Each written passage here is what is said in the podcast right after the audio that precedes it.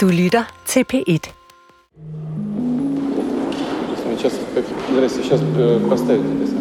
To mænd og et bord.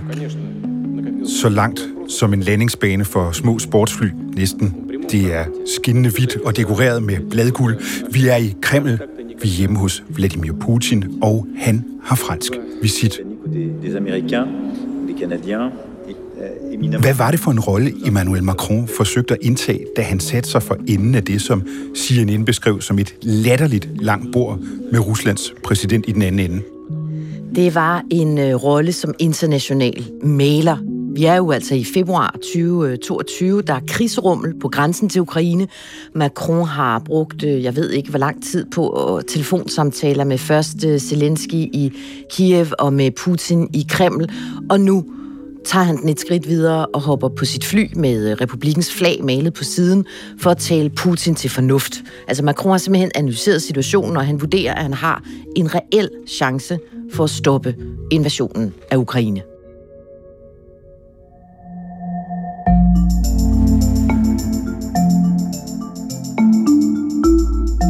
Mit navn er Michael Reiser, og jeg er DR's Tysklands korrespondent med base i Berlin. Og i den berlinske politikboble, der kan man godt opleve folk sådan få lidt øh, himmelvendte øjne måske, når man nævner den franske præsident.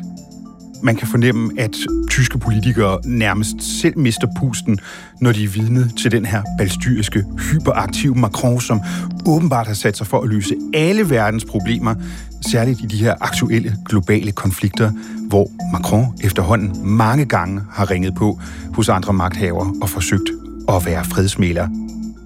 Fordamt, hvad er det, den her fartglade franskmænd har gang i? Det skal vi prøve at finde ud af i dag, Stefanie Syryk.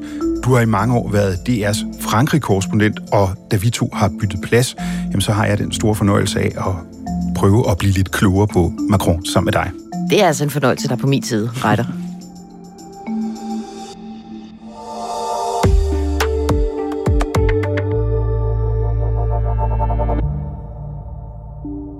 Mens de fleste andre vestlige ledere kappede forbindelsen til Putin, så tastede Macron Kremls nummer ind på sin konferencetelefon i Elysée-palæet igen og igen og igen, også mens de russiske missiler allerede regner ned over Ukraine, og gad vide, hvor mange gange Putin har trykt afvis opkald, fordi det irriterede ham grænseløst midt i det, som han troede skulle være et hurtigt og historisk sejrstog.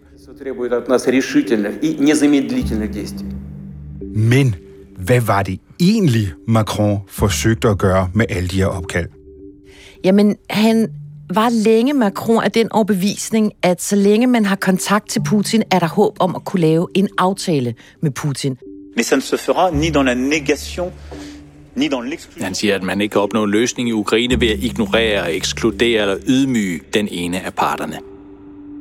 Macron er ikke i nogen sammenhæng faktisk til at kappe kommunikationslinjerne totalt.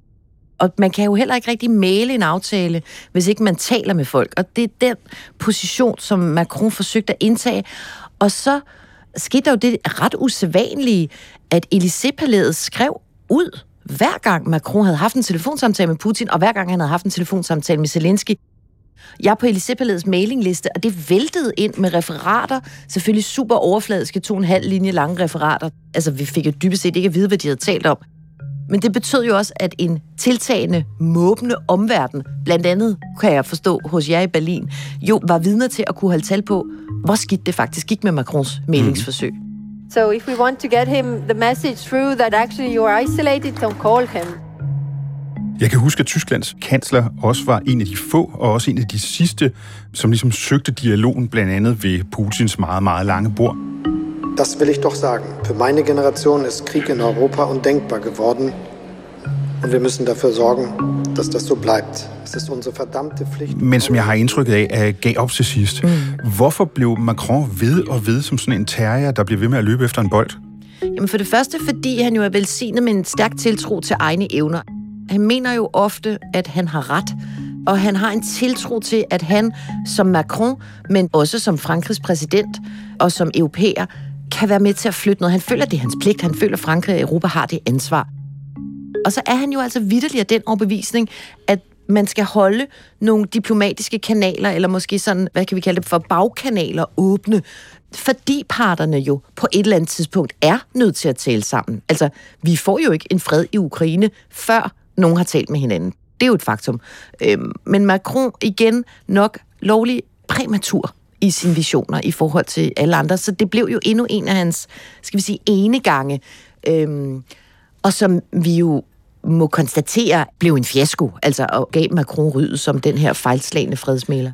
Ved du, hvad det minder mig lidt om? Det minder mig om det flip, vil jeg kalde det, som Macron havde med Donald Trump, da han var præsident i USA i ja. sin tid. Macron blev ved med at forsøge at holde Trump i sådan en meget hjertelig fransk omfavnelse. So it is really, uh, it is really great to be with you, and you are a special friend. Thank you very much, Mr. President. And on top of it, we have an excellent personal relationship, so I want to thank you for that. Mens Trump surt stillede spørgsmålstegn ved USA's engagement i alt fra NATO til klimasamarbejde til EU. Mm. Kan du se den parallel? Det kan jeg faktisk godt. Altså, øh, jeg kan huske, at jeg på et tidspunkt læste en, en britterne er træt af Macron har været det længe. Meget vred britisk kommentar, øh, som handlede om, at øh, Macron var et elsker at danse med diktatorer. Det kan man jo så trods alt ikke kalde øh, Trump for, men jeg har hæftet mig ved, at en af hans øh, tidligere, Macrons tidligere politiske rådgiver, selvfølgelig anonymt, har fortalt til det jo velansete magasin Politico, at Macron har, og nu citerer jeg altså rådgiveren, en besættelse af Trump og Putin, og at Macron i den her periode var overbevist om, at begge mænd de havde brug for opmærksomhed de havde brug for at føle sig taget alvorligt, og derfor forsøgte Macron ligesom at, at omfavne dem sådan øh, diplomatisk. Men som bekendt lykkedes det jo heller ikke Macron at holde Trump i sin favn. Det lykkedes ikke Macron at holde Trump i for eksempel øh, den store internationale klimaaftale, Paris-aftalen. The United States will withdraw from the Paris Climate Accord det der med, hvor stor succes uh, han rent faktisk har, om de andre verdensledere rent faktisk lytter til ham, den tager vi lige om lidt. Men mm. vi har jo tidligere talt om, at Macron gerne vil være en stor leder, en verdensleder, men at han også bærer træk af at ville være lidt mere måske en øh, monark, eller noget mere autokratisk måske endda. Tror du, at Macron er lidt fascineret af præsidenter som Trump og Putin i, i hele deres magtfylde? Ja, det tror jeg, han er, men nu er jeg jo selv halvt fransk, så jeg må lige understrege. Jeg har så ikke det nogen... er du også? Nej, men jeg har ikke nogen grund til at tro, at Macron har altså et strejf at drømme om at være en decideret monark. Mm. Altså, man tager det jo ret alvorligt i Frankrig, den her snak om adel eller ikke adel, med streg under ikke adel. Og Macron er også glødende demokrat. Så han har ikke sådan Klart. autokratiske drømme. Klart. Men han synes jo, at folk, der er uenige med ham, er sindssygt irriterende. Og det kan man jo sådan set godt tage en diskussion om, men Macron, det her er jo demokratiets natur det må jeg lige slå fast, at det er jo der, han kan komme til at virke lidt udemokratisk nogle gange, når han pludselig beslutter sig for at gennemføre noget per dekret, fordi Præcis. han ikke gider vente på sit parlament derhjemme. Og når du så spørger, om han er lidt fascineret af de her typer, det tror jeg helt herligt, han er. Han er fascineret af, hvor store skikkelser de er, hvor magtfulde de er. Han prøver også at matche dem, både i forhandlingssammenhænge, men jo også Øh, jeg kan huske, at jeg dækket, da Putin besøgte Macron i Paris i, jeg mener, der var 17, igen, der kunne man have taget imod ham mange steder. Altså, Macron vælger at tage imod ham på Versailles-slottet. Altså, det kan godt være, at jeg flotte slotte i Rusland, men husk nu, det største og smukkeste ligger her i Paris. Han vælger at tage imod Trump i Eiffeltårnet. Det er rigtigt. Altså, han dyrker det der verdensleder-image som franske præsidenter. Sådan, jeg vil ikke sige over en kamp, fordi nogen har prøvet at undgå det, men jo har en, en fæble for. Altså. Mm-hmm. Men nu bliver jeg nødt til at spørge igen, altså hvorfor forsøger Macron igen og igen, og også med de her store kulisser, om man så må sige, at påtage sig rollen som international maler? Jamen, fordi Frankrig er jo også en international stormagt. Det er selvfølgelig også en del af selvforståelsen, at Frankrig er relevant. Øh, ikke bare relevant, men nødvendigt på verdensscenen. Og så skal vi, når nu du bliver ved med at spørge, så graver jeg jo dybere og dybere efter et svar, Michael. Og det betyder også, at så skal vi helt ned i, at Frankrig, ligesom Storbritannien, er en gammel kolonimagt som har haft territorier over hele kloden, og i dag er det territorium skrumpet, og det samme er magten. Men Macron har altså de her ambitioner på Europas og Frankrigs og egne vegne. Mm, men undskyld, altså set fra Tyskland, som også har været meget stor engang, der kan det godt virke sådan lidt fjollet. Altså lidt som en konge uden land, eller en, eller en terrier, der tror, den er en rottweiler, om man så må sige. Jamen, der tror, jeg kan, nu er jeg blevet sådan en uh, Macron-forsvar her, men jeg tror, at Macron vil sige, uh, well, der er lande, der sover i timen. Det har I prøvet før, Tyskland, og det er det, vi prøver at undgå her og nu i Frankrig. Smak. Sådan. Sådan. Macron sidder i sit præsidentfly med trikoloren på halerøret og republikens emblem på siden. Vi er i april 2023. Macron er på vej hjem fra et tre-dages statsbesøg i Beijing, hvor han har forsøgt at rykke præsident Xi længere væk fra Putin i Ukrainekrig. Og så har han forsøgt at styrke de handelsmæssige og kulturelle bånd mellem Frankrig og Kina. Emmanuel Macron has had a meeting with the Chinese president, of which he thinks that they should work a little closer together, cuddles and all. Derfor så har Macron slæbt franske kulturpersonligheder med sig i sit fly. Mange kender nok filminstruktøren Jean-Jacques Annaud. Je crois qu'on peut faire ce métier que si on a le goût de jouer. Og musikeren Jean-Michel Jarre. Og der var flere, men Macron har også journalister ombord. Og nu giver Frankrigs præsident et interview, der kommer til at skabe et internationalt ramaskrig. Hvad er det, Macron har gang i her, Stephanie? Jamen, det er helt vildt. Og jeg forestiller mig i det der fly, altså, som har været sådan en bizarre transport af alt fra sådan nogle øh, keyboard giganter som øh, Jean-Michel Jarre til politiske journalister, præsidenter og rådgiver og sådan noget. Jeg gad virkelig godt at være med på det der flyvende Nords ark, hvor Macron jo så beslutter sig for at omtale Taiwan-krisen som sådan en slags stormagtsslåskamp mellem USA og Kina, hvor Europa burde forholde sig neutralt. But the French president has come under fire. Emmanuel Macron has said that Europe should avoid being caught up in such conflicts.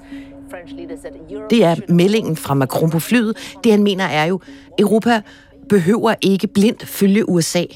Og altså, jeg tror, det eneste sted, jeg har set Macron blive rost for den udmelding, det var i kinesiske statsmedier. Ikke? Okay. Øh, altså, der blev jo vidderlig ramaskrig.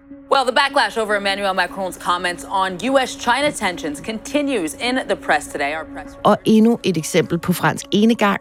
Endnu et eksempel på Macron, der kæmper sit slag for øh, strategisk autonomi, europæisk suverænitet. Vi vil ikke være USA's lillebror mere. Og det var i den forbindelse i øvrigt, at jeg læste den her britiske vrede kommentar om, hvorvidt Macron ligefrem nyder at danse med diktatorer. Mm-hmm. Men altså det her, det er jo ikke noget, som Macron bare sådan slynger ud helt uovervejet. Altså han må jo have en bagtanke med at indtage den her kontroversielle position, som det er for mange. Ikke? Hvad er det, han har gang i? Altså hvad er det, han muligvis ramper op til her?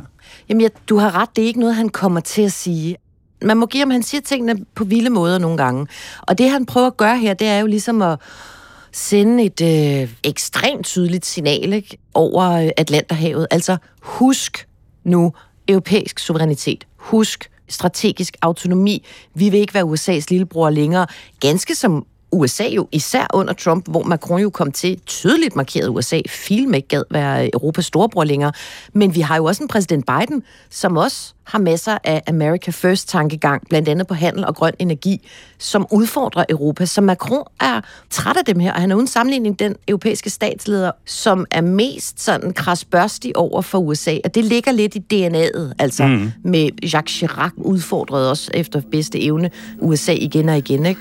Elles ne sont pas fondées sur l'idée que les États-Unis ont toujours raison et qu'ils... Ja, det er, som du siger, det er bestemt ikke alle, der har på den måde. Altså, nu bliver jeg nødt til at referere til tyskerne igen. Altså, mm. de får jo nærmest fnider af, når Macron på den måde øh, slår sig fri af amerikanerne. Det kunne tyskerne jo aldrig forestille sig at gøre. Nej, og jeg tror også, at man i kansleramt har skulle finde ud af, fordi øh, alle mulige mennesker, jo også Mette Frederiksen her, der man blev kimmet ned, hvad synes I nu om det, Macron siger, ikke? Og man skulle ligesom prøve at finde på nogle nogenlunde diplomatiske svar, som hverken fornærmede den ene eller den anden alt for meget. Men USA's præsident Biden og Macron, de har jo egentlig et ret godt forhold til hinanden, mm. så hvor stiller det her ham i forhold til, altså Macron, hvordan stiller det ham i forhold til USA? Jeg tror, at det hvide hus har sådan en vis portion overbærenhed i forhold til den her hissige franskmand. Det hvide hus sendte sådan en talsperson ud for at gyde diplomatisk olie på vandene. There's a lot of terrific bilateral cooperation just alone between the United States and France. We're focused on that. We're focused on making sure that... Og det bliver ligesom understreget, at USA har et uh, amazing relationship til Frankrig. Ro på, ikke?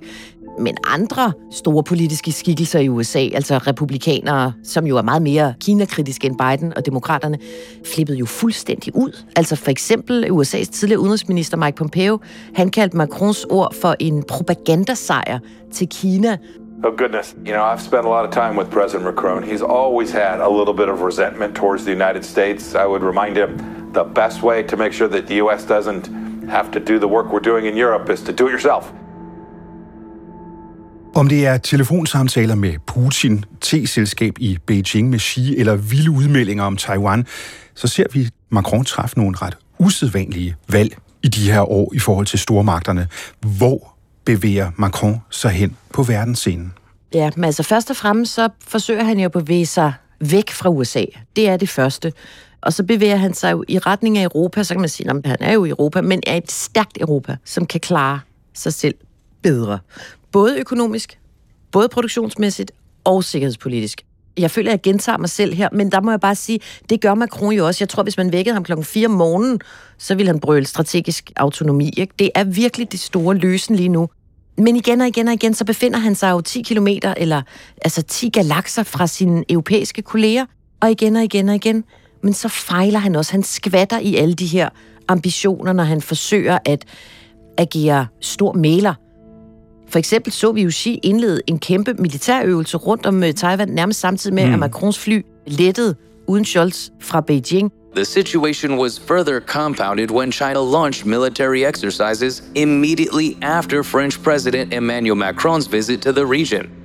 Og vi så jo også Putin invadere Ukraine kort tid efter Macron var fløjet hjem fra Kreml og havde forladt det der hvad var det, han kaldte det for latterligt lange bord, ikke? Ja. Og ganske som Trump jo trak USA ud af klimaaftalen. Altså, så han har masser af forsøg på at tumle de her store mænd, som er mislykket. Men jeg vil gerne ved mindst et baguette på, at det ikke slår Macron ud. Altså, han har tænkt sig at blive ved med det her. Jamen, det gør det jo nok ikke, men det virker jo åbenlyst, at de her tunge magthavere, og især de her autokrater, jo ser stort på til synlædende, hvad han siger, og måske endda ja, nærmest griner bag Macrons ryg. Mm. Det forstyrrer mig ikke. Jo, det tror jeg da helt sikkert påvirker hans forfængelighed. Men han har jo en mission. Altså, han er jo en stedig satan. Ja. Altså, som få andre, ikke? Og som du også selv siger, topenergisk og drevet af så store politiske ambitioner. Og jo ikke, det har vi også talt om før, altså han er jo ikke blændet af ideologi, Macron. Det er sådan en djøfhjerne, der laver stor politik, ikke? Og derfor tror jeg ikke, at han lader sig slå ud af, at han bliver til grin en gang imellem. Eller, det gør han ikke. Den æder han. Så i hvor stor omfang tror du reelt, at Frankrigs præsident kan få succes med sin vision, når han er op mod den slags modstand? Altså det korte og kedelige svar her er jo, at øh, Macron er præsident indtil 2027. Han kan ikke genopstille, og han kommer ikke til at ændre verden på 3,5 år. Det er trods alt for stor en mundfuld, selv for Macron. Men hvis nogen kan presse EU til at udvikle sig hurtigere og mere, og også til at lægge pres på nogle af de her store, tunge spillere, så er det jo Macron. Fordi, hvem skulle det ellers være? Mm. Det bliver ikke Scholz. Nå, men det gør det jo ikke, vel? Og jeg tror ikke engang, at når øh, Macron stopper som præsident, at det vil få ham til at stoppe sin øh, livsmission, så fortsætter han i et eller andet andet embede formentlig. Altså, ja, ja, mens han venter på, at vi bliver så føderale, at han kan blive præsident for Europa. I starten af juni, der byder præsidenten verdensledere ind til endnu en snak. Den her gang, der handler det om klodens fremtid. Det handler om kampen mod klimaforandringer. In order to succeed and to fix together poverty, climate change, biodiversity, it's absolutely impossible. Det ser vi på i næste og desværre sidste afsnit. Tusind tak for snakken, Stephanie. Vielen Dank, merci. Det var Udsyn Sommer Special. Jeg hedder Michael Reiter. Og husk, at alle afsnit i serien om Macron, de ligger allerede klar i DR Lyd.